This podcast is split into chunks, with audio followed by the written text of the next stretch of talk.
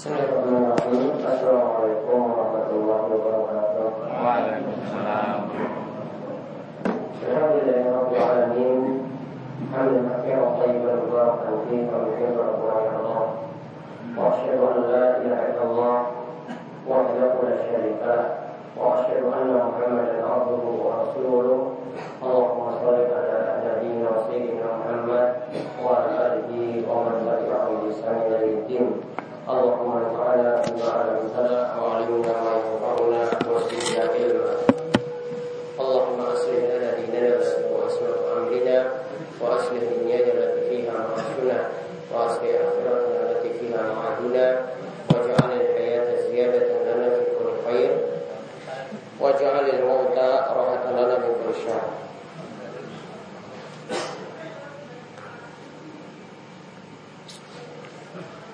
Alhamdulillah para jamaah sekalian pengajian malam Selasa yang semoga selalu dirahmati oleh Allah Subhanahu wa taala.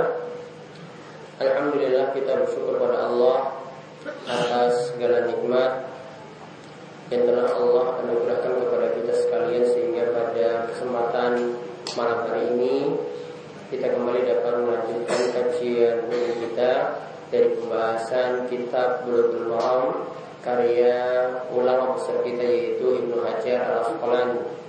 Kita masih dalam pembahasan kita Jami yaitu yang membicarakan hadis-hadis umum di mana kali ini kita masih membahas hadis seputar zuhud dan warak. Hadis yang membahas tentang seputar zuhud dan warak. Kali ini kita akan membahas hadis dari Sa'ad bin Abi Waqqas radhiyallahu anhu.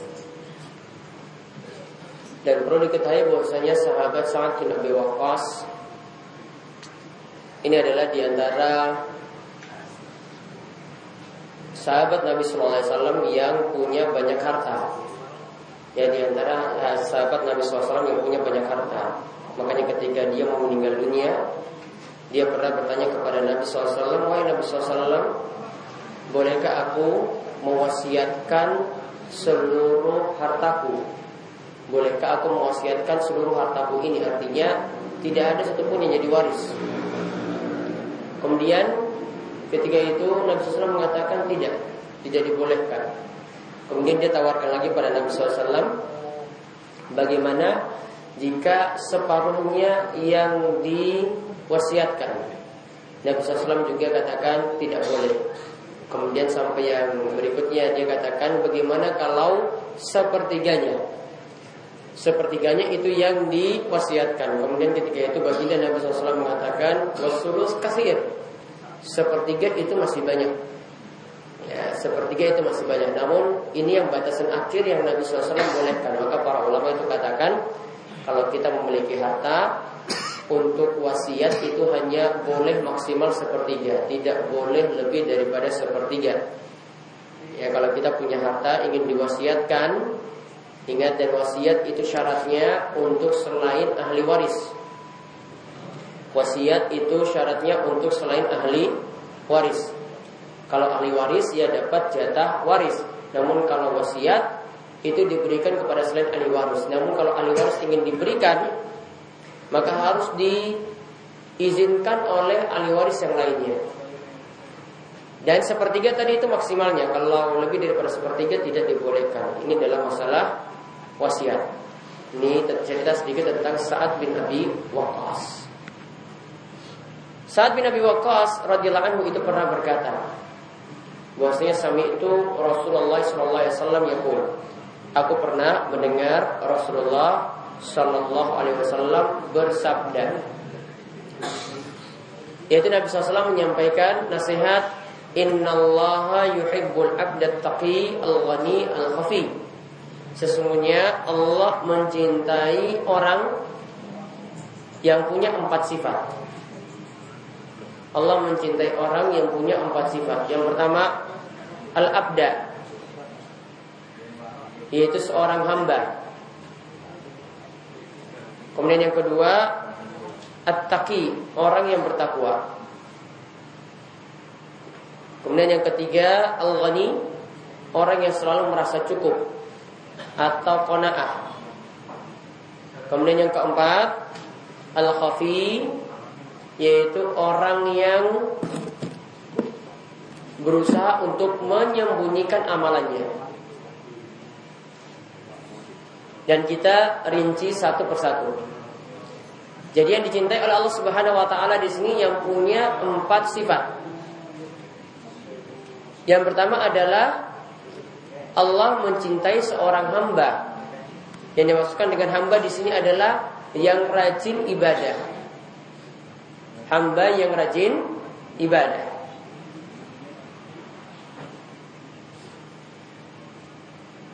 Dan hamba pengertiannya kalau kita mendengar uh, hamba Allah pengertiannya itu ada dua macam. Hamba ini bisa jadi adalah hamba dari sisi syar'i, bisa jadi hamba dari sisi kauni. Artinya kalau hamba dari sisi kauni yang kedua dulu saya jelaskan ini adalah hamba yang Allah ciptakan dan pasti itu ada namun tidak menunjukkan Allah itu cinta. Jadi ada orang kafir, ada orang beriman, ada penjahat, ada pencuri, itu semua adalah hamba Allah. Namun hamba Allah secara kauni ini tidak menunjukkan Allah cinta pada mereka. Sama seperti Allah ciptakan ada setan, ada iblis, ada ular, ada singa, ada yang jahat-jahat. Ini Allah ciptakan itu bukan berarti Allah menunjukkan Allah mencintai mereka. Kadang itu sebagai ujian, ada setan, ada iblis itu sebagai ujian. Kadang itu untuk menguji manusia supaya bisa bersabar ataukah tidak. Dengan adanya makhluk-makhluk yang jelek atau makhluk-makhluk yang jahat seperti itu. Ini disebut dengan hamba Allah yang kauni. Kemudian yang dimaksudkan dalam hadis ini adalah hamba Allah yang pertama, yaitu hamba Allah yang syar'i. Artinya, dia adalah hamba Allah yang beribadah pada Allah. Hamba Allah yang bertakwa, hamba Allah yang beriman. Hamba Allah seperti inilah yang mendapatkan kecintaan Allah. Hamba Allah seperti inilah yang mendapatkan kecintaan Allah. Bukan pada hamba Allah yang tadi saya sebutkan, hamba Allah yang kauni. Kalau penjahat ya itu juga diciptakan oleh Allah. Pencuri itu juga diciptakan, koruptor ya itu juga diciptakan. Ada orang kafir itu juga diciptakan, namun tidak menunjukkan Allah itu cinta. Tidak menunjukkan Allah itu cinta kepada mereka-mereka tadi. Yang Allah cinta adalah hamba Allah yang beriman, yang bertakwa, yang mau beribadah. Maka sifat yang pertama di sini yang dipuji oleh Allah Subhanahu wa taala yang mendapatkan kecintaan Allah yang dipuji oleh Nabi Shallallahu alaihi wasallam yaitu hamba Allah yang mau beribadah. Maka inilah yang menjalankan konsekuensi ayat wa ma khalaqtul jinna wal insa illa liya'budun. Tidaklah aku menciptakan jin dan manusia illa liya'budun kecuali untuk beribadah kepadaku. Makna liya'buduni illa liyuwahiduni kecuali untuk mentauhidkanku.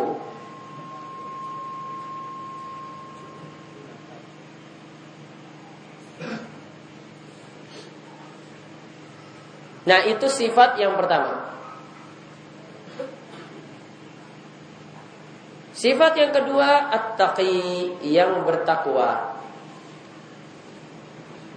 At-taqi yang bertakwa ini ini kalau secara bahasa Arab takwa itu berasal dari kata waqa. Yaqi. Waqa yaqi. Artinya adalah melindungi atau membentengi. Maka orang yang bertakwa Berarti dia berusaha membentengi dirinya dengan yang haram-haram.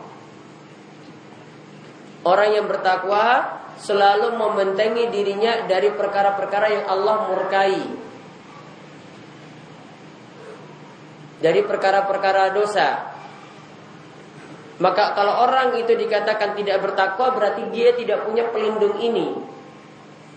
Berarti dia langsung nerjang, dia nerjang haramnya, dia nerjang dosanya, dia nerjang yang haram-haram tadi. Perbuatan-perbuatan yang Allah murkai. Namun kalau orang punya sifat takwa, berarti dia sudah terbentengi. Makanya disebut wako, melindungi. Artinya yang dimaksudkan di sini adalah kata para ulama seorang itu bisa terlindungi di sini yaitu dari siksa akhirat, yaitu dari siksa di neraka. Ketika kapan? Takwa yang dia miliki adalah dengan dia menjalankan perintah dan menjauhi setiap larangan. Dengan dia menjalankan perintah dan menjauhi setiap larangan. Dan takwa ini biasa diistilah disebut dengan cahaya Allah. Karena dapat membentengi seseorang, melindungi seseorang ini adalah bagaikan cahaya. Maka orang yang memiliki cahaya ini pasti dia akan selamat. Orang yang tidak punya cahaya ini pasti nanti akan terjerumus dalam kegelapan, yaitu kegelapan maksiat. Takwa ini dapatnya dari mana? Takwa ini didapat dari seorang itu belajar dari seseorang itu berilmu, dari seseorang itu mengkaji agama. Kalau dia tidak mengkaji agama, tidak mau duduk dalam majelis ilmu, tidak mau mempelajari hukum-hukum Allah, maka sangat sulit sekali dia punya sifat pelindung tadi. Maka berarti orang mau selamat di akhirat, maka dia harus punya ilmu terlebih dahulu, nanti dari ilmu ini dia punya ketakwaan. Dari ketakwaan ini dia tidak akan melakukan maksiat. Ya, dari ketakwaan ini dia tidak akan melakukan maksiat.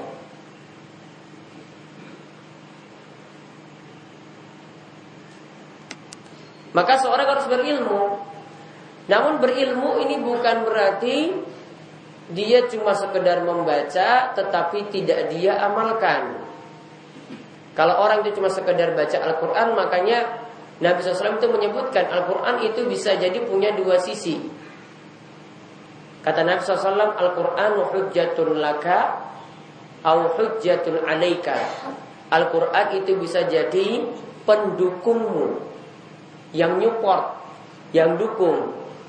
Bisa jadi juga sebagai hujjatun alaik. Kalau tadi pakai laka, ini pakai alaika. Kalau laka itu biasanya dukung. Kalau dalam bahasa Arab ya kata laka itu artinya dukung. Kalau alik itu artinya mencelakakanmu. Jadi kalau dia punya Al-Quran ini belum tentu selamat. Dia hafal Al-Quran juga belum tentu selamat. Dia setiap hari ba'da sholat lima waktu baca satu lembar Al-Quran nggak paham, belum tentu selamat.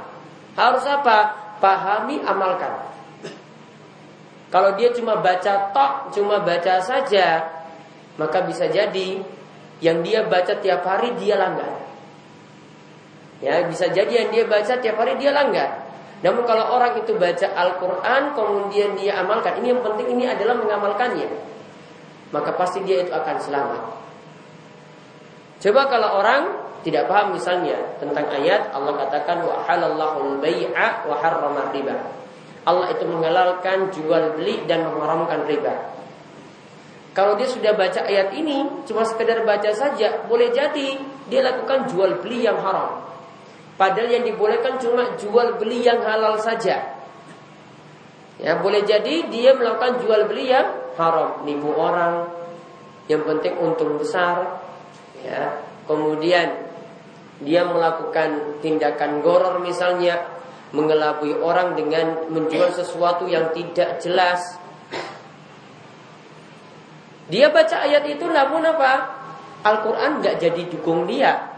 Dia baca tapi tidak paham. Jadi Al-Quran jadi apa? Hujatun alaih. Jadi sesuatu yang nanti akan mencelakakan dirimu sendiri.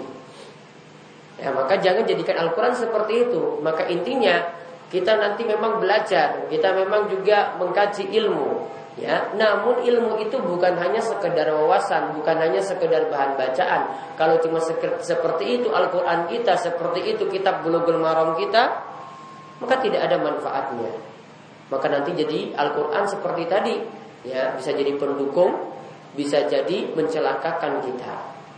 Malah nanti Al-Quran yang nanti akan berbicara Ini orang ini baca ayat tadi Kok dia malah melakukan sesuatu yang bertentangan dengan apa yang dia baca jadi takwa intinya adalah seorang itu bisa mendapatkannya kalau dia memiliki ilmu. Ilmu itu adalah cahaya nanti akan mendukungnya, yang nanti akan membantunya. Namun ilmu itu tidak sekedar cuma wawasan saja, namun harus dipelajari.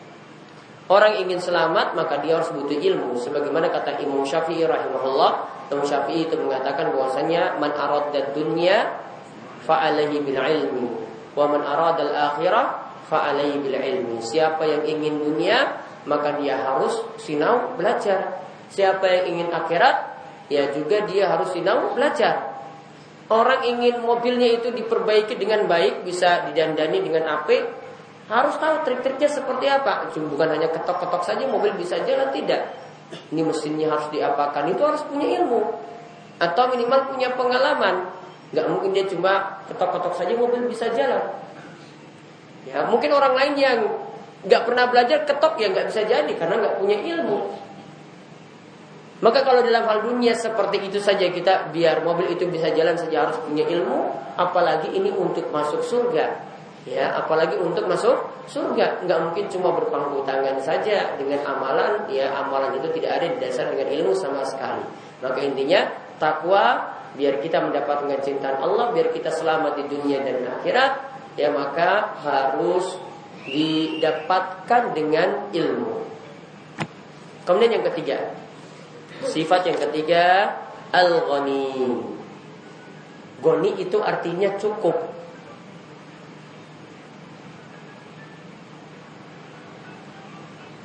Ya, goni itu artinya cukup. Gina itu artinya kecukupan. Dan dalam syariat, ya, dalam ajaran kita, dalam ajaran Islam, orang kaya itu disebut goni. Orang kaya itu biasa disebut ghani. Namun hakikatnya kalau kaya itu diambil dari kata ghani, orang yang kaya yang benar itu kalau sudah merasa cukup dengan apa yang dia miliki. Ya, dia selalu merasa cukup dengan apa yang Allah Subhanahu wa taala berikan, rezeki yang Allah berikan, dia dia merasa sudah alhamdulillah sudah cukup. Tidak pernah lagi peduli pada milik tetangganya, tidak pernah lagi iri pada motor tetangganya, tidak lagi iri kepada mobil tetangganya. Apa yang Allah beri pada dirinya sudah cukup. Itu namanya ghani. Jadi kalau ada orang kaya nggak punya sifat ghani, berarti dia belum kaya. Ya, ada orang kaya belum punya sifat ghani, merasa cukup berarti belum kaya. Makanya benarlah kata Nabi SAW, laisal gina, ya, bukanlah yang dinamakan gina, itu adalah bikasratil arad dengan banyaknya arat, barang-barang, perabotan, kekayaan, emas dan sebagainya. Mobil, ya. Laisal gina bikasratil arad. Kekayaan kata Nabi SAW ingat, kita pakai standar Nabi. Kekayaan itu bukan dengan banyaknya Arab. Arab itu macam-macam, harta, ya, dia punya emas, punya mobil, punya kendaraan, itu Arab semuanya. Lakin al-ghina gina nas. Namun yang namanya ghina yang kita bahas di sini yaitu adalah hati yang selalu merasa cukup. Ya. Pas duwe motor ya wah wis cukup. Ya, pas duwe mobil ya sudah cukup. Nggak pernah lagi dia mikir-mikir oh tetangganya punya yang lebih bagus lagi. Mikir lagi mikir lagi untuk pingin seperti itu. Akhirnya tambah lagi gimana ini biar dapat seperti itu? Padahal mungkin uang pas-pasan. Ya mikir. Jadi mikir tetangga jadi sulit. Ya Iya, nah, kalau mikir tetangga jadi sulit. Tapi kalau coba dia, dia punya sifat konah, nggak pernah sulit. Ya tidur ya jadi tenang, makan tempe ya jadi tenang, nggak mikir tetangga sebelah ini biarin dia mau punya apa mau punya truk mau punya pesawat ya mau silakan sekalian dia punya bandara juga ya silakan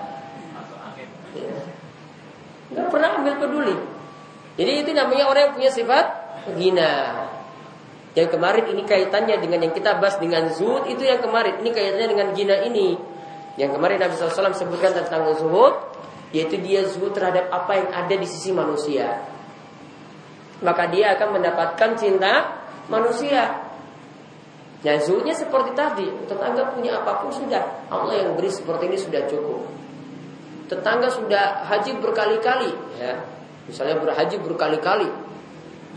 Dia naik haji berkali-kali sudah nanti saya antriannya juga ada juga kan, dapat juga. Tetangga sudah dapat SKPNS. Wah saya berdoa bertahun-tahun juga nggak dapat dapat. Ya pusing sekali mikir itu. Ya pusing sekali mikir.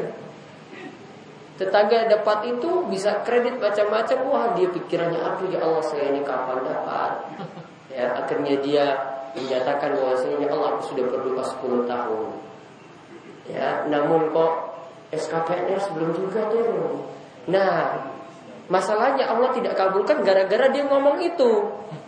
Ya dia ngomong ya Allah saya sudah berdoa 10 tahun namun juga nggak dikabulkan. Nah kamu ngomong itu yang buat doamu tidak terkabul. Namun kalau dia itu coba dia mikir, wah saya minta lagi, minta lagi, minta lagi. Ini nikmat. Coba kalau main bal-balan ya, Gol di menit 90 dengan gol di menit pertama mana yang lebih enak? Ya, ini belum golin apa-apa loh. Masih skor 0-0. Gol di menit 90 lebih enak apa di menit pertama? Menit pertama dia untuk bertahan sampai terakhir itu lebih berat. Iya kan? Namun kalau dia ngegolin pas terakhir coba gimana senangnya? 90 sudah injury time. Coba pas ngegolin, Masya Allah nikmatnya kan 90 menit, 90 menit nunggu. Ini 10 tahun nunggu. Ya 10 tahun nunggu lebih nikmat, doanya lebih lama. Usahanya lebih lama, pahalanya lebih banyak. Namun kalau misalnya diberi langsung, ya cuma berdoa cuma mungkin satu bulan. Iya kan? Doanya cuma satu bulan. Makanya sebagaimana kata Ibnu Taimiyah, Beliau katakan bahwasanya di balik musibah itu nikmat. Di balik apa? Musibah itu nikmat karena di balik itu orang makin banyak doa. Makin banyak doa kan berarti banyak, makin banyak ibadah, makin banyak ibadah, makin banyak ibadah. 10 tahun sholat malam terus. Coba kalau Allah langsung kabulkan, cuma satu bulan dia sholat malam. Besoknya ada. Besoknya ada. Iya kan? Makanya mikir kenapa doa saya kok lama digabungkan? Ah ini mungkin mungkin menuntut supaya saya lebih banyak doa lagi. Jadi ada suatu hikmah yang besar di balik musibah yang Allah itu tunda untuk membuat kita lebih banyak lagi untuk ber, berdoa. Jadi milikilah sifat ini, sifat apa tadi? Gina, maka nanti tidak punya sifat iri. Tidak ada rasa dibatin lagi kepada tangganya, tidak lagi ngomongkan orang lain lagi. Biasanya hasad, iri tadi itu membawa kepada kita untuk ngomongin orang terus. Tetangga ini kayak gini, kayak gini terus ya diomongin negatif. Nah itu biasanya awalnya itu dari iri tadi. Namun kalau sudah punya sifat gina, nggak mungkin lagi ngomongin orang. Gina ini diperoleh gimana? Yaitu dengan seorang itu pahami takdir. Ya sifat tadi merasa cukup ini bisa diperoleh dengan cara apa? Pahami takdir. Allah itu tentukan si A dapat kekayaan seperti ini, si B dapat kekayaan seperti ini. Itu sesuai dengan takdir yang Allah sudah takar. Pasnya itu seperti itu. Seandainya orang yang kaya ini Allah buat jatuh miskin, nangis. Ya, yang kaya ini Allah jatuh jadikan dia itu miskin, pasti dia akan nangis, sedih. Yang miskin jadikan kaya, mungkin jadi sombong. Maka Allah sudah takar ini pas. Ini kaya ya kaya seperti ini nggak usah meri, nggak usah iri, sudah biarin. Yang miskin seperti ini lihat orang kaya sudah, alhamdulillah saya rezekinya seperti ini. Maka orang bisa dapat sifat gina tadi gimana? Pahami tak takdir. Allah sudah tetapkan rizki begitu pasnya. Takarannya sudah pas. Gak mungkin Allah itu salah kasih takdir. Gak mungkin kok kaya kok dia itu sudah. Padahal kita sama-sama masuk PNS loh. Ya, sudah sama-sama masuk. Kok dia dapat mobil lebih dulu kok saya masih motor etak-etak seperti ini. Ya, sudah pasti itu Allah takdirkan. Saya dapat seperti ini, ya memang Allah takdirkan seperti ya itu ya Allah takdirkan seperti itu. Ada yang Allah mudahkan rezekinya, ada Allah yang sempitkan rezekinya. Sudah semuanya Allah itu sudah tahu takaran yang pas itu seperti apa. Tidak mungkin Allah buat lebih, tidak mungkin Allah itu buat kurang untuk takdir. Jadi kalau pahami takdir dengan baik pasti punya sifat gina merasa cukup. Kalau punya sifat gina seperti ini, ya berarti udah ada. Kalau punya sifat gila seperti ini sudah tadi Sifat-sifat yang jelek yang lainnya Iri, hasad, dan macam-macam seperti itu nanti juga akan hilang Semuanya berarti berpusat pada apa? Keimanan pada takdir Jadi itu penting beriman pada takdir Akhirnya merembet pada masalah itu Kemudian Yang sifat yang terakhir Al-Khafi Menyembunyikan amalan Sifat al-khafi yaitu menyembunyikan amalan. Berarti di sini kalau orang menyembunyikan amalan ini masuk sifat terpuji karena Allah akan mencintainya. Namun perlu dipahami ada amalan-amalan yang mesti kita tampakkan, ada amalan yang mesti kita sembunyikan. Asalnya amalan-amalan yang bukan wajib, asalnya ya, asalnya amalan-amalan yang bukan wajib sembunyikan baik-baik. Sedangkan amalan yang wajib, sholat lima waktu, bayar zakat, puasa Ramadan, itu semuanya ditampakkan. Ya, itu tidak mungkin main sembunyi-sembunyi. Wah, saya nggak mau sholat lima waktu di masjid, takut teriak. Akhirnya sholat di rumah, malah jatuh riak ketika itu. Sebagaimana kata ya kata Hudzaifah siapa yang meninggalkan amalan? Ya siapa yang melakukan amalan karena Allah maka itu riak. Ya, siapa yang melakukan amalan karena manusia itu riak. Siapa yang meninggalkan amalan karena manusia juga riak. Tadi dia tidak mau pergi sholat jamaah kan? Biar nggak diomongin orang. Maka itu terjatuh dalam riak karena dia meninggalkannya karena manusia bukan meninggalkannya karena Allah Seandainya dia tinggalkan amalan itu karena Allah, nah itu baru berpahala. Ini dia tinggalkan karena takut omongan orang. Berarti masih tidak ikhlas. Yang terpuji di sini apa? Sembunyikan amalan-amalan yang asalnya. Yang kita kembali sembunyikan amalan-amalan yang asalnya sunnah itu disembunyikan rapat-rapat. Sedangkan amalan yang wajib itu ditampakkan. Kaidahnya seperti itu. Sholat lima waktu tampakkan Gak mungkin main sembunyi-sembunyi. Ya, sholat sunnah sembunyikan, asalnya disembunyikan. Namun ada sholat sunnah yang kita diperintahkan berjamaah, sholat taraweh. Ya, ini diperintahkan berjamaah. Tidak boleh, tidak, tidak kita pakai alasan wah saya sebaiknya di rumah. Kalau yang terbaik itu berjamaah maka berjamaah. Nampakkan pada orang lain. Dan asalnya amalan sunnah sembunyikan. Puasa Ramadan wajib. Maka ketika itu ditampakkan. Gak mungkin ketika orang tanya, Mas puasa nggak pas Ramadan? Dia bilang, saya nggak puasa, takut kamu puji saya gitu. Gak boleh. Dia tinggalkan yang wajib. Namun kalau puasa sunnah misalnya dia Senin Kemis, puasa nggak? Ya, disembunyikan rapat-rapat. Oh maaf saya tadi sudah makan. Maksudnya makan sahur. Ya, ada yang tanya pagi-pagi saya sudah makan tadi. Maaf, terima kasih. Maksudnya makan sahur. Yang dia sembunyikan amalannya rapat-rapat.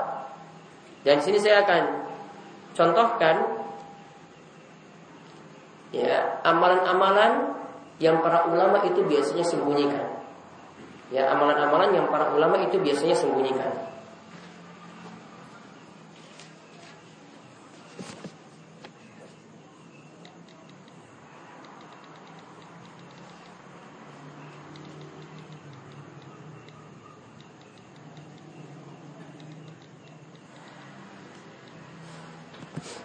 Contohnya di sini misalnya yang pertama mereka menyembunyikan amalan sholat sunnah. Dan ini juga dicontohkan oleh Nabi Shallallahu Alaihi Wasallam. Kenapa dalam beberapa syariat, misalnya dalam suatu hadis disebutkan Nabi SAW itu biasa sholat uh, dia maghrib itu di rumah, sholat dia isya itu di rumah. Bahkan dalam masalah sholat malam Nabi SAW itu menyebutkan ya untuk sholatul lail, sholat tahajud atau sholat malam Nabi SAW itu mengatakan bahwasanya ya tentang uh, sebab-sebab masuk surga beliau mengatakan at'imut ta'am berilah makan kepada orang yang butuh wasallu bil laili wan nasu niyam dan solatlah di malam hari ketika orang-orang itu sedang tertidur Kenapa Nabi SAW perintahkan untuk sholat malam? Di antara tujuannya adalah supaya melatih menyembunyikan amalan. Supaya melatih menyembunyikan amalan. Karena kalau amalan itu Ya kita nampakkan kan biasanya ada orang-orang. Pas malam hari kan orang-orang tidur. Maka kita latih diri kita dengan sholat malam supaya apa? Orang-orang yang biasa lihat kita beramal itu nggak tahu. Maka ada sholat yang dilakukan di rumah, orang-orang kan tidak tahu. Ada sholat malam yang kita juga diperintahkan lakukan saat orang-orang tidur, orang-orang tidak tahu.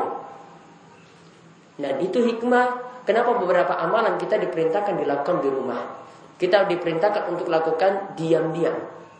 Tujuannya ini agar amalannya tetap dijaga keikhlasannya. Contoh yang lainnya lagi dalam masalah sodakoh disebutkan ada kisah yaitu dari cucu Nabi Sallallahu Alaihi Wasallam Ali bin Hussein bin Ali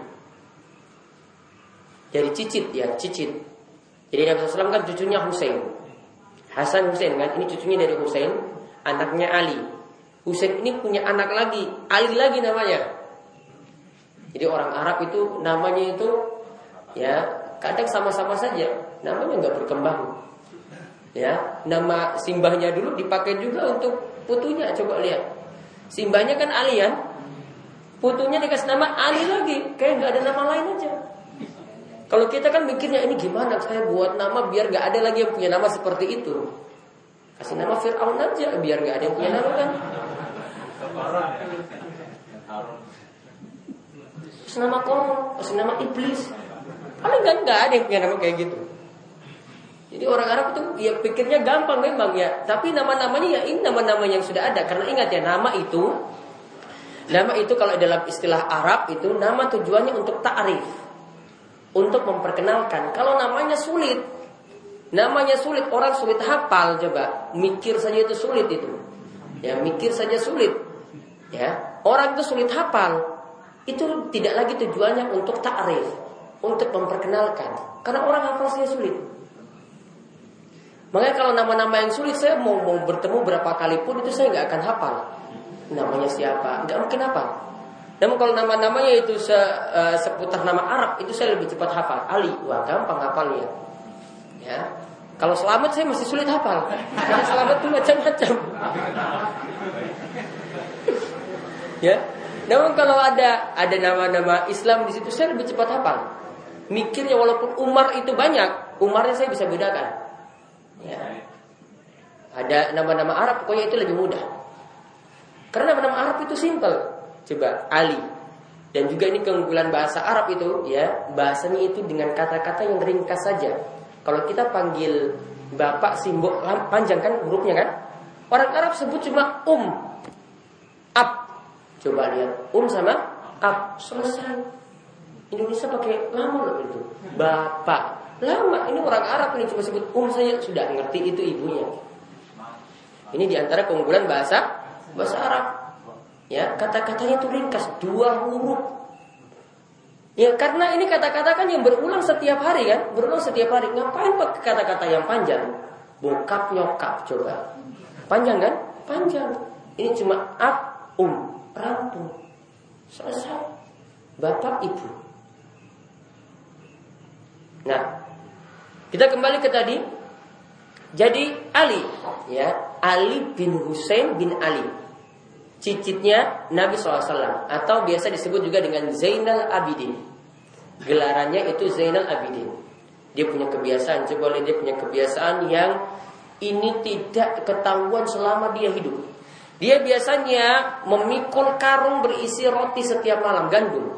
Ya, gandum, gandum itu kan bahan untuk buat roti ya. Ini gandum ini dipikul setiap malam.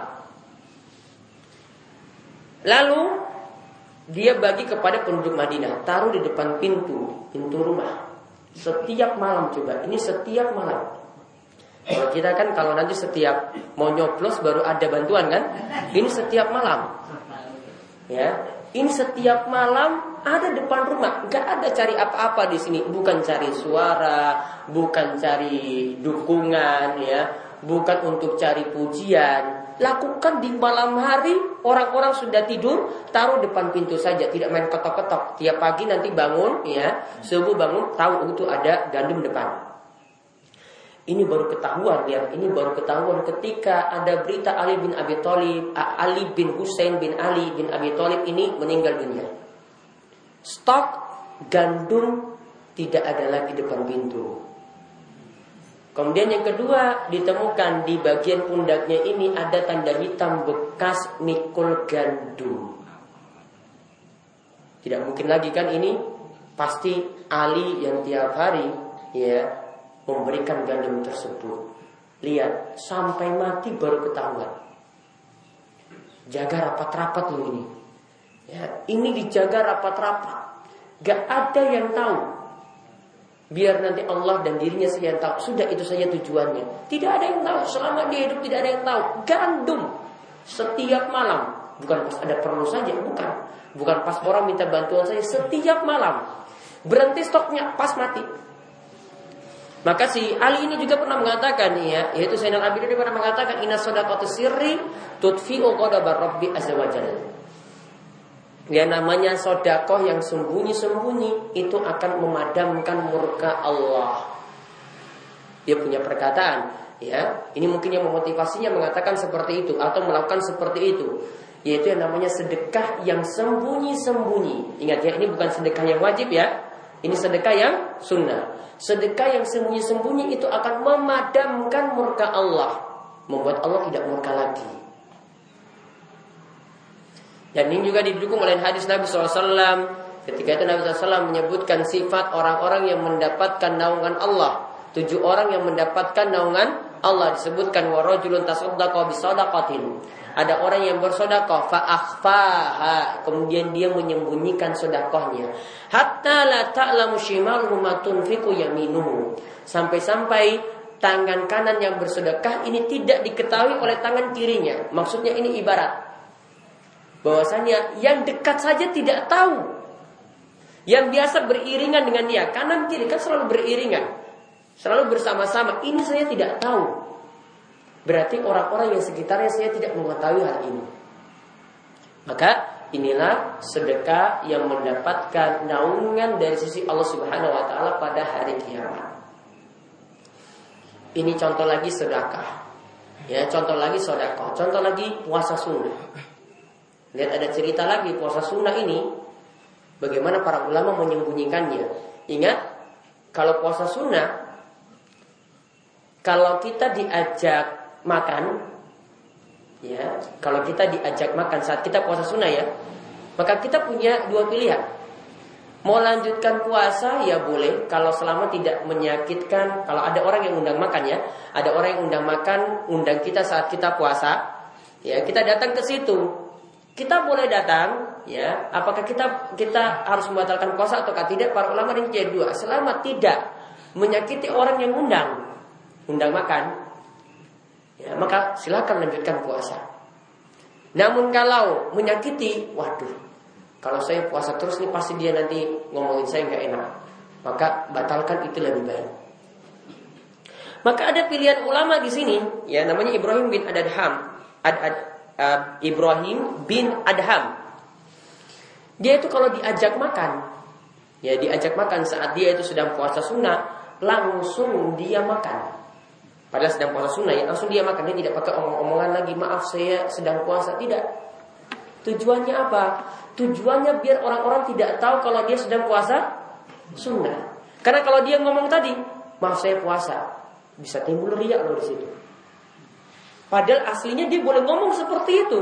Karena Nabi SAW itu katakan kalau misalnya ada yang ngajak berkelahi, ngajak bertengkar, ketika itu kita katakan, Ana maaf saya sedang puasa. Sama ketika kita makan kita bisa katakan seperti itu, boleh. Namun karena dia ini tujuannya untuk jaga amalannya rapat-rapat, misalnya dia punya kebiasaan puasa Senin Kemis, ada ada yang ngajak pas hari Kemis. Ini gimana ya biar gak ketahuan kan sulit kan? Mau mengelak gimana coba? Sudah datang, Kemudian kita mau katakan, ma mau katakan, maaf saya sudah makan. Masa kamu sudah makan tadi? Kan nggak mungkin kan? Kita katakan saya sudah makan, tidak mungkin. Bohong jadinya.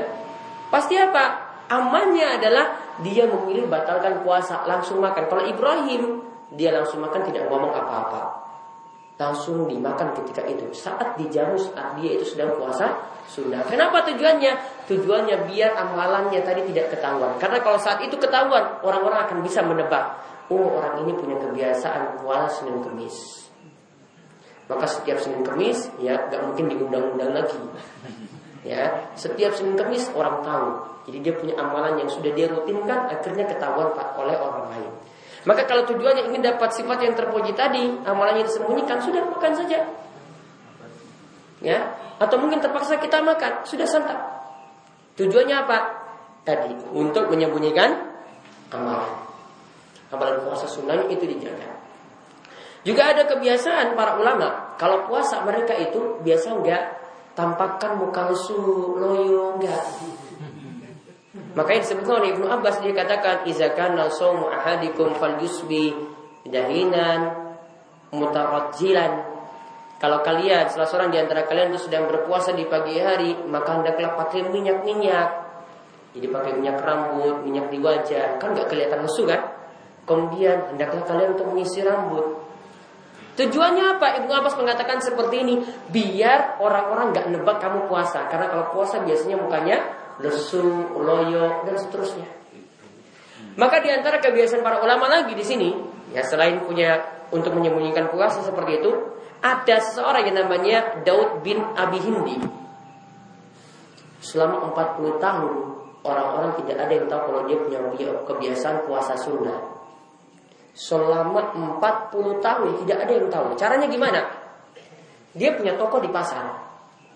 Setiap kali mau pergi ke pasar, itu dia bawa sangu. Ya, dia bawa sangu di tasnya. Orang-orang dari rumah pastikan nebak Oh, mungkin mau sarapan nanti di toko. Ya kan? Jadi dia bawa tadi. Orang-orang dari rumah, padahal dia di rumah nih nggak makan. Ya, ini mau pergi sarapan pasti di toko. Ternyata di tengah jalan sanggungnya tadi itu disodakohkan pada pengemis-pengemis. Habis kan? Habis. Sampai di toko, ya tidak ada yang tahu kalau dia sedang puasa ketika itu. Ya pas pulang waktu maghrib langsung buka puasa. Orang-orang kan tahu Ketika itu kan tidak tahu sama sekali, tahu sampai rumah makan malam. Dia sembunyikan selama 40 tahun. Jadi kebiasaan paginya seperti itu. Dijaga rapat-rapat coba puasa sunnah. Maka kalau kita mau mencontoh ini contoh yang sangat bagus. Namun ingat, tidak selamanya setiap amalan itu mesti disembunyikan. Ada satu kondisi misalnya untuk mengajarkan orang lain ada satu kondisi misalnya untuk memberi contoh. Kalau memberi contoh, apalagi kita mungkin orang yang biasa orang lain itu mencontoh kita, maka boleh memberi contoh ketika itu. Ya. Misalnya juga para ulama punya kebiasaan di sini kalau dalam masalah Al-Quran mereka jaga baik-baik Al-Qurannya ketika mereka baca mereka memang benar-benar sembunyikan. Sampai-sampai sebagian ulama seperti diceritakan uh, dari Ibrahim An-Nakhai ataupun yang lainnya, mereka kalau sedang baca Al-Quran, ada orang yang lewat, tahu kalau dia itu sedang baca Al-Quran, pura-pura tutup dengan kain. Ya, pura-pura tutup dengan kain. Biar apa? Biar orang orang nggak tahu kalau ini dia sedang baca Al-Quran. Sampai seperti itu. Sampai contoh lagi mereka sembunyikan amalan mereka, cuma nangis karena baca Al-Quran atau mungkin sedang pengajian kemudian nangis ketika itu, ini benar-benar dijaga. Sampai diceritakan dari Sufyan As-Sawri. Ya, ini diceritakan dari Ayub as Ketika di majelis dia pernah mau nangis. Air matanya itu mau turun. Kemudian alasannya apa? Dia usap-usap wajahnya. Kemudian dia bilang sama jamaah, "Maaf, saya ini sepertinya sedang flu."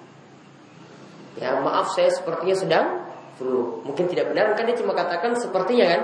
Ya saya ini sepertinya sedang flu. Padahal ini sebenarnya mau nangis. Ini ketika di majelis dia mungkin ada terharu pada sesuatu kemudian mau menangis ketika itu dia usap wajahnya dia seakan-akan juga sedang flu ketika itu maka dia lapor atau beritahu kepada jamaah seperti tadi. Nah ini di antara tujuan pokoknya para ulama melakukan seperti itu tujuannya apa? Tujuannya untuk menyembunyikan amalan. Maka asalnya tadi saya kembali ke hukum asal. Asalnya amalan wajib itu ditampakkan. Namun kalau amalan sunnah apa? Disembunyikan. Ya, sebisa mungkin kita menyembunyikannya. Kita boleh menampakkannya. Boleh jadi ada amalan yang memang diperintahkan kita untuk menampakkan. Seperti amalan sholat tarawih tadi. Ada juga untuk memberikan contoh. Karena kalau ini tidak dicontohkan tidak ada yang tahu. Maka ketika itu diberikan contoh pada orang lain supaya orang lain juga tahu ini ada amalan sunnah seperti ini, tahu ada puasa sunnah seperti ini, tahu ada sholat sunnah seperti ini. Namun asalnya kalau kita mau sembunyikan itu lebih baik. Maka akan terpuji dalam hadis ini yaitu yang Nabi SAW katakan ya disebutkan dalam sifat yang keempat yaitu al khafi orang yang biasa menyembunyikan amalan. Ini semua tujuannya menyembunyikan amalan ini menjaga keikhlasan. Karena betapa banyak orang yang beramal ingin cari pujian Betapa banyak orang yang beramal ingin cari muka. Betapa banyak orang yang beramal ingin dapat kedudukan sosial yang tinggi. Sodako banyak-banyak biar dipandang oleh masyarakatnya. Dia itu orang yang dermawan. Akhirnya strata sosialnya jadi naik. Jadi tujuan-tujuan dunia banyak yang cari seperti itu. Maka hati-hatilah dari sifat ria ini yang dapat memusnahkan amalan. Maka jaga kalau kita punya kemampuan untuk ikhlas, untuk simpan amalan kita, untuk sembunyikan amalan kita, sembunyikan.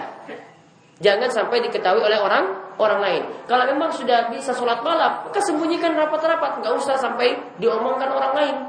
Husain bin Abdurrahman dan Said bin Musayyib ini pernah berbincang berdialog. Ya, ketika itu Said ini melihat ada bintang yang jatuh semalam, maka dia mengatakan kepada Husain, tadi malam kamu lihat bintang jatuh nggak? Tadi malam kamu lihat bintang jatuh nggak?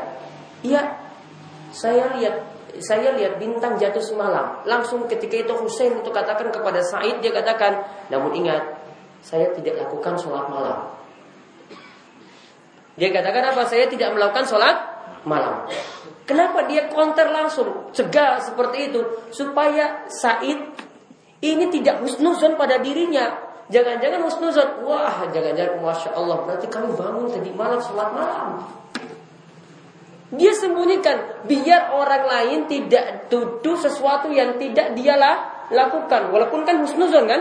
Husnuzon. Dia cegah, maaf saya tidak sholat, sholat malam tadi malam. Saya itu digigit binatang sehingga saya bangun. Tersengat binatang. Maka ketika itu saya bangun. Dia tutup rapat-rapat.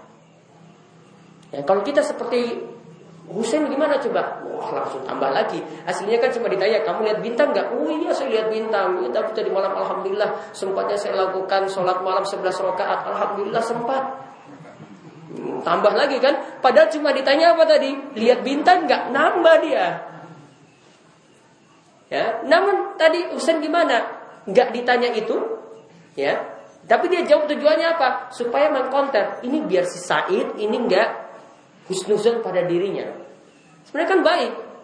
Namun dia tutup rapat-rapat. Sudah biar si saya ini nggak bilang saya sholat malam, saya bilang. Saya bangun memang, namun saya nggak sholat malam. Ya, maka kalau bisa tutup rapat-rapat, tutup rapat-rapat. Ya, biar tidak diketahui oleh orang lain.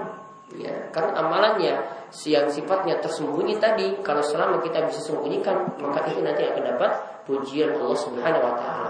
Maka kalau sudah kok kita kita bisa sembunyikan itu sangat bagus sekali. Kalau sholat malam kita kita bisa sembunyikan sangat bagus sekali. Puasa sunnah kita bisa kita sembunyikan sangat bagus sekali. Maka jaga amalan itu rapat-rapat dan kalau bisa kita punya amalan ada yang tersembunyi seperti ini ya biar menjadi amalan yang antara kita dengan Allah Subhanahu wa taala saja mengetahuinya. Contohilah si Ali tadi Zainal Abidin. Ya, dia menyembunyikan amalan begitu lama. Semenjak dia itu sampai meninggal dunia tidak ada satupun yang mengetahuinya. Contoh lagi tadi Daud uh, bin Abi Hindi menyembunyikan amalan puasa sunnahnya selama 40 tahun. Tidak ada juga yang mengetahuinya. Dan mudah-mudahan Allah Subhanahu wa taala memberikan kita taufik untuk menjadi orang-orang yang ikhlas, menjadi hamba Allah yang rajin beribadah ya dan juga kita diberikan sifat ghina yaitu kecukupan dan juga diberikan sifat ketakwaan. Jadi demikian yang bisa kami sampaikan pada kesempatan ini mudah-mudahan bermanfaat bagi kita semuanya. Ada yang ingin ditanyakan? Ya. Waalaikumsalam Menyembunyikan amal sunnah. Ya. Yang saya tanyakan itu bagaimana kita kalau sedang berpuasa sunnah Senin atau Kamis ya. Iya. Terus kita ketemuan, kita subuhin dia, kita jamu dia, apa itu makan atau apa.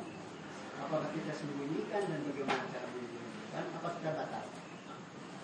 Kalau iya, kalau kita pintar ngatur strategi, kalau menjamu orang itu tidak ada masalah untuk menyembunyikan, ya, tidak ada masalah. Karena kita nggak makan ketika itu juga kan ini bisa tidak ketahuan, tidak ketahuan kalau kita itu sedang puasa. Namun kalau kita tidak mungkin sembunyikan karena dia selalu bertanya-tanya, kok kamu nggak makan? Ya, kok kamu nggak makan? Ya, maka kalau dia sudah tanya seperti itu atau punya kebiasaan seperti itu, sebaiknya kalau tujuannya ini ya untuk menyembunyikan amalan, maka sebaiknya disembunyikan, batalkan puasanya. Namun ya ini bukan jadi wajib. Jadi yang tadi kita katakan menyembunyikan amalan tidak jadi wajib. Boleh jadi Bapak ketika itu tetap lanjutkan puasa untuk memberikan contoh pada dia. Oh, Bapak punya puasa Senin Kemis. Kok saya seperti ini kok tidak ada amalan seperti itu? Boleh jadi dia tahu kita puasa, akhirnya kita diambil contoh. Jadi cari contoh, jadi tergantung niat juga. Ya. Kalau niatnya untuk mencontohkan orang lain, malah kita dapat pahala. Mungkin strateginya beri contoh lebih bagus. Kalau memang tidak mau mbak batalkan. Nah, terus kalau kita ambilnya solusinya ya antara kedua pilihan, ya. apa kita membatalkan untuk menghormati dia, ya kan? Jangan jangan-jangan di sana kalau kita menghormati tamu dia suruh makan sendirian ya. atau menjadi meja makan ya. ya. Apa kita sendiri juga itu yang lebih baiknya. Ini kita puasa hmm. dengan, dengan teknis seperti apa apa kita menghormati dia gitu, menghormati tamu juga kan pokoknya pilih mana yang lebih maslahat maslahat untuk orang lain yang tidak merugikan dia maslahat juga untuk bapak kalau yang paling maslahat bapak itu batalkan biar dia juga ikut senang kan kalau makan? Maka baiknya batalkan. Namun kalau dia tidak ada masalah apa-apa, bom kita lanjut puasa juga dia akhirnya ya nggak masalah, dia akhirnya makan, kemudian dia juga jadi tahu ambil contoh lagi. Nah mendingan seperti itu yang diambil. Jadi kembali kepada masalah. Kadang yang satu lebih baik ya daripada yang lainnya. Mana masalahnya yang paling besar ketika itu?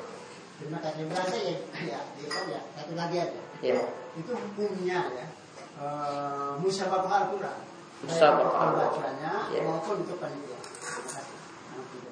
musyawarah Al-Quran yang ditanyakan apanya? Yang dia tanyakan dan itu kan dinilai Iya. Ini kembali ke masalah niat.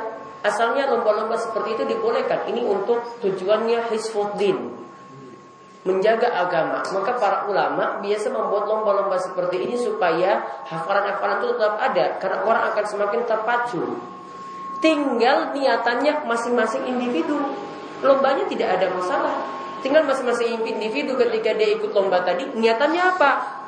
Kalau ingin cari hadiah, ya berarti dia niatannya yang rusak. Kalau yang lainnya, saya ingin jaga hafalan saya, dia yang dapat nanti pahala dari lomba yang dia ikuti. Jadi kembali kepada individunya, lombanya tidak ada masalah. Ya, nanti kembali kepada individunya, niatannya seperti apa? Kalau niatannya tidak ikhlas, ingin cari hadiah saja, dia nanti akan kena hukuman. Namun kalau niatannya saya biar ikut, biar saya tambah semangat hafal Al-Quran, biar Al-Quran saya tetap terjaga, ya atau untuk memperbagus bacaan saya.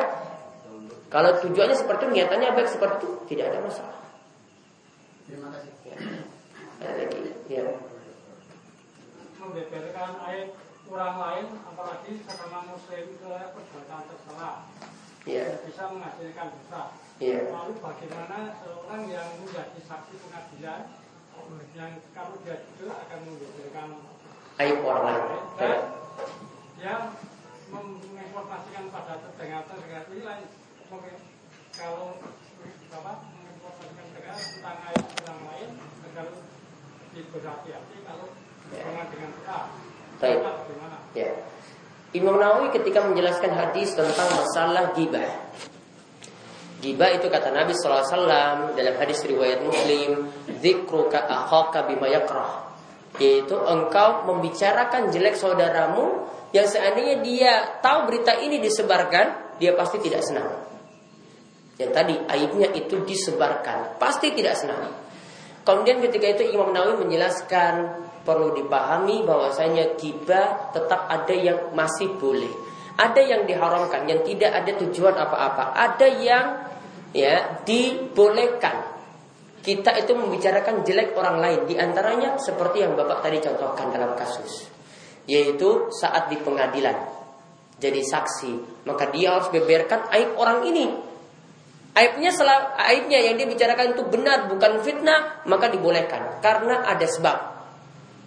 Contohnya lagi para ulama itu contohkan Munawi juga mencontohkannya kalau kita ingin mengkritik orang yang supaya orang ini itu dijauhi itu dibolehkan.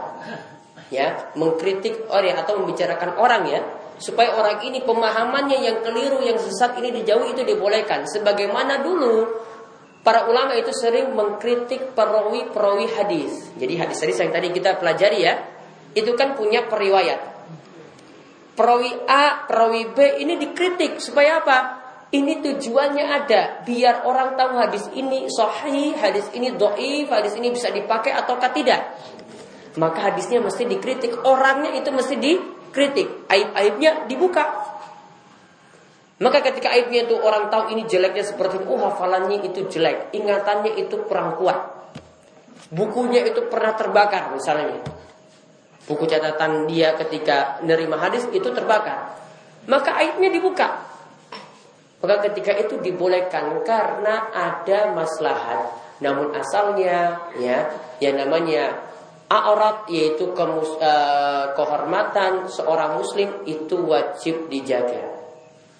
Ya, karena Nabi SAW mengatakan inna dima'akum wa a'radu wa a'radakum haramun.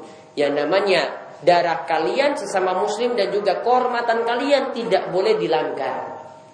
Maka kehormatannya harus dijaga, tidak boleh kita bicarakan jelek kecuali ada masalah tadi seperti jadi saksi di pengadilan. Ya seperti juga supaya orang-orang tetangga ini misalnya tahu kalau ini orang ini kalau punya utang itu nggak pernah lunasin ya maka dia beritahu pada tetangga-tetangga yang lainnya ini kalau mas ini pinjam uang tolong jangan dipinjamkan saya sudah ketipu 10 kali ya nggak pernah lunas-lunas nah maka dia bicarakan pada ini pada si tetangga ini yang biasa punya uang bicarakan sama ini supaya hati-hati dengan dia boleh supaya orang tidak termakan juga dengan kemungkaran yang telah dia perbuat. Seperti itu. Ada lagi? Ya, Pak Ustaz.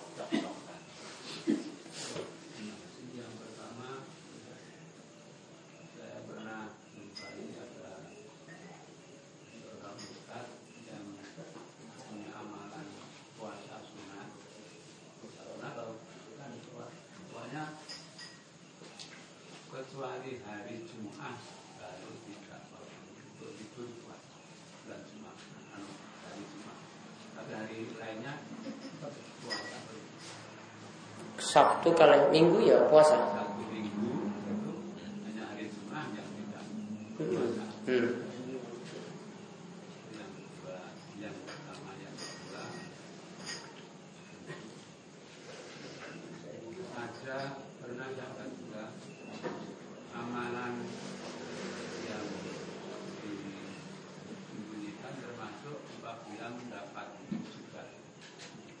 musibah.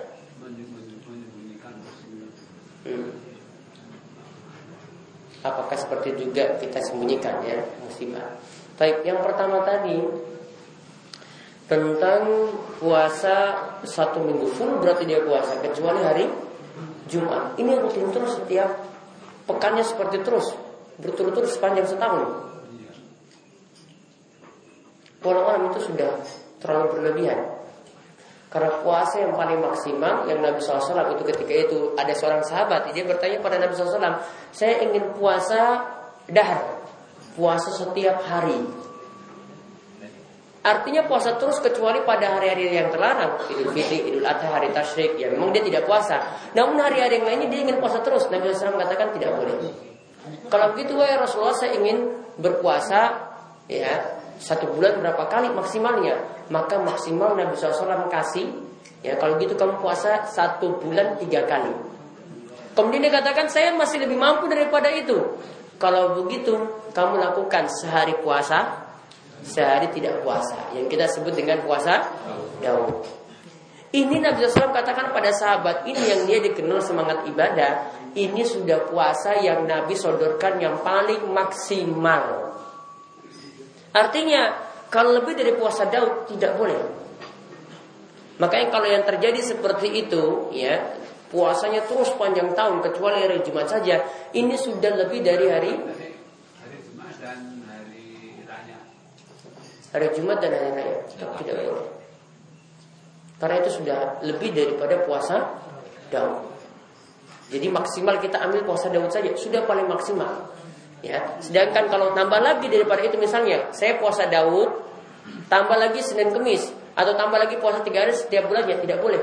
Karena ini sudah puasa Daud ditambah lagi puasa yang lainnya. Kalau mau pas misalnya pas bertabrakan dengan momen puasa Arafah. Atau momen puasa Ashura puasa Daudnya diberhentikan dulu.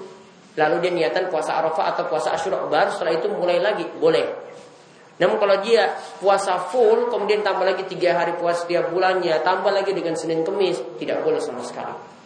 Karena puasa Daud sudah paling maksimal. Ini yang Nabi SAW katakan pada sahabat tadi, ya biar dia tidak sampai ya susah dalam melakukan amalan itu. Karena kalau sudah lebih daripada ini biasanya susah. Biasanya juga akan menghambat ibadah. Biasanya seperti itu. Jadi intinya yang paling maksimal adalah puasa Daud. Ada lagi? Eh, yang kedua tadi tentang menyembunyikan musibah. Itu termasuk di antara yang boleh disembunyikan juga. Lebih bagus disembunyikan. Kalau misalnya untuk yang ringan-ringan, yang orang itu tidak perlu tahu misalnya kita sedang demam, demam paling cuma berapa hari saja kan, ya kan? Mungkin kita kondisinya biasa-biasa saja, namun tetap kondisi kita ya tidak bisa seperti orang sehat juga kalau misalnya terpaksa pergi ke masjid. Ya tetap pergi seperti biasa, namun tidak bisa disembunyikan. Namun kalau misalnya sakitnya itu ringan, yang bisa disembunyikan, disembunyikan. Atau misalnya kita itu di rumah sakit, kemudian biar orang itu lain itu nggak perlu repot-repot kepada kita, kita sembunyikan juga dibolehkan. Asalnya dibolehkan. Namun kalau orang lain pun tahu tidak ada masalah karena seperti itu tidak mungkin kita sembunyikan layaknya amalan-amalan yang sunnah tadi yang kami sebutkan. Allah Ada lagi? Iya. Saya tanya yang pertama itu apa benar orang mengamen itu? Itu ada yang mengatakan di dalam tuntunan agama tidak boleh karena menjagakan keringat orang lain. Karena? Menjagakan keringat orang lain ngamen itu. Yang pertama yang kedua yang kedua itu yang saya tanyakan ada di masyarakat itu ada mayat dimandikan. Mayat mayat. Jadi kok ada yang pakai kapur garut atau ada juga yang pakai kopi? Supaya nggak malus itu gimana? Yang sesuai itu kan pakai kapur barus. Iya. Kalau kopi saya nggak tahu. Tujuannya untuk apa? Kalau alam saya tidak tahu tujuannya namun kalau tujuannya untuk biar baunya tidak nyengat baunya enggak ini ya barus kemudian kalau yang pertama tadi uh, ngamen dikatakan tidak boleh ada yang mengatakan di dalam keturunan itu menjadikan keringat orang lain. intinya ngamen dan mengemis secara umum ketika orang tersebut mampu. Ya ketika orang tersebut mampu mengemis itu cuma hanya boleh kepada uh, boleh ketika orang itu sangat-sangat butuh sangat-sangat butuh dan ketika itu tidak ada jalan lain kecuali dengan mengemis. Dia mau menghidupi anaknya tidak bisa. Mau bekerja tidak bisa. Maka dia mengemis dengan terpaksa. Ketika itu baru boleh. Sedangkan kalau ngamen itu bukan lagi dalam keadaan butuh. Itu orang semua masih giat bekerja. Namun cuma ingin cari jalan pintas. Pintas, enak, ya. Apa ya? Itu termasuk sia-sia amalannya dosa. Dan orang-orang yang ngemis seperti ini ancamannya pada hari kiamat mereka nanti akan kan di, biasanya sedekah di dunia kan dapat uang. Nanti di hari kiamat nanti sedekahnya itu dikasih api. Itu dari api neraka. Artinya legam ya? Artinya legam. Iya.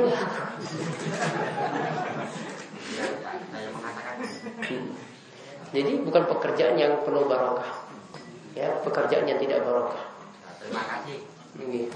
Ini kalau saya jadi pengamen Ada lagi Sampun ya? Oh gitu saya tanyakan sholat sholat itu minta bayar ada orang yang menyuruh sholat itu Amalannya sia-sia. Sholat minta bayar. Berarti makin suwe berarti bayarnya makin gede. Apa pirang rokaat ya bayarannya makin gede. Hah? Apa hitungnya per menit per jamnya gitu? Ya amalan yang sia-sia tidak diterima. Ya amalan sia-sia. Ya. mengenai uh, sujud sahwi Sujud sahwi. ya sujud sahwi itu selesai sholat ataukah sebelum sholat? Sebelum salam ataukah setelah salam ya. Sebelum salam ataukah setelah salam. Eh, Kalau mau merinci ya Merinci itu lebih bagus. Artinya kalau menurut mazhab syafi'i Kalau seperti penulis Al-Qadi Abu Syuja Itu memilih Sujud sahwi itu sebelum salam. Ya, karena semuanya ini berkaitan dengan masalah sholat, jadi mereka masukkan di dalam sholat. Kalau memilih seperti itu boleh. Namun lebih bagus saya katakan merinci. Kalau ada yang kurang dalam sholat misalnya kita lupa tasyahud awal sampai terakhir boleh kita lanjutkan. Maka nanti ketika sudah selesai tasyahud mau salam sebelum salam sujud dulu dua rakaat. Eh maaf sujud dua kali, sujud dua kali sujud sajadatain. Nah, itu dilakukan sebelum salam. Namun kalau ada kelebihan, maka bagusnya dilakukan sesudah salam. Jadi eh, bagusnya itu dirinci. Kalau ada kekurangan sebelum salam sawinya, kalau ada kelebihan sesudah salam. Dan perinciannya ada masing-masing dalil-dalil yang mendukungnya. Bisa. Itu tadi kalau masalah kurang atau lebih ya itu. Saya, kalau kekurangan, merasa kekurangan ingatnya setelah salam, kita sujudnya setelah salam. Iya. Nah, yang kami tanyakan itu ingatnya itu apa itu kurang atau lebih, tapi setelah salam. Ingatnya kurang atau lebih setelah salam. Atau setelah salam. Bukan hanya kurangnya saja, lebihnya. Yakin itu, yakin kurang atau ada yang negur? Saya dulu tadi kok cuma tiga rakaat, tapi kita setelah salam.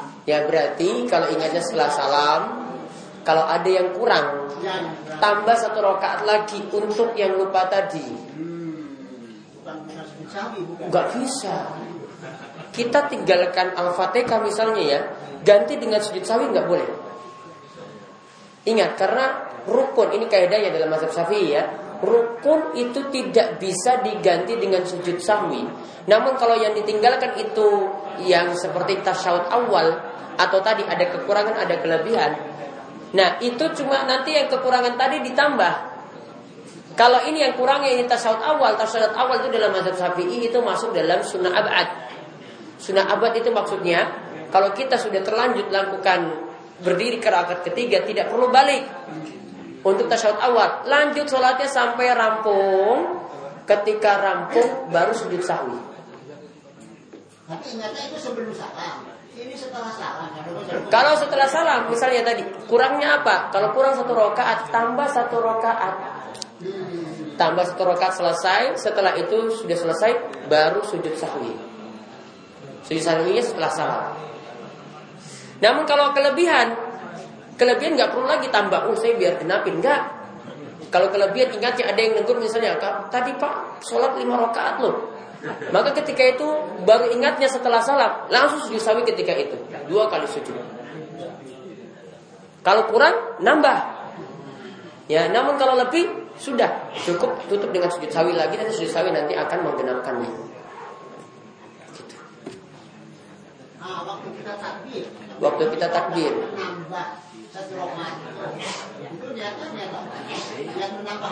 Iya, niat menambah satu rakaat karena lupa.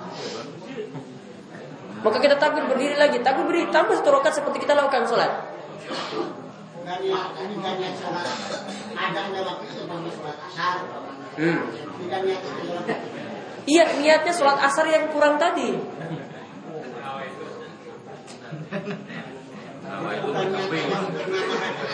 bukan. Ini tidak main sholat asar tadi. Ingat, Cak, namun catatan selama wudhunya belum batal. Karena kalau wudhunya belum batal berarti dia masih dalam kondisi sholat tadi. Namun kalau wudhunya sudah batal harus ulangi dari awal. Misalnya sudah lupa tiga, eh, baru tiga rakaat kan, terus satu menit kemudian kentut, berarti ulangi lagi sholatnya karena sudah batal wudhunya.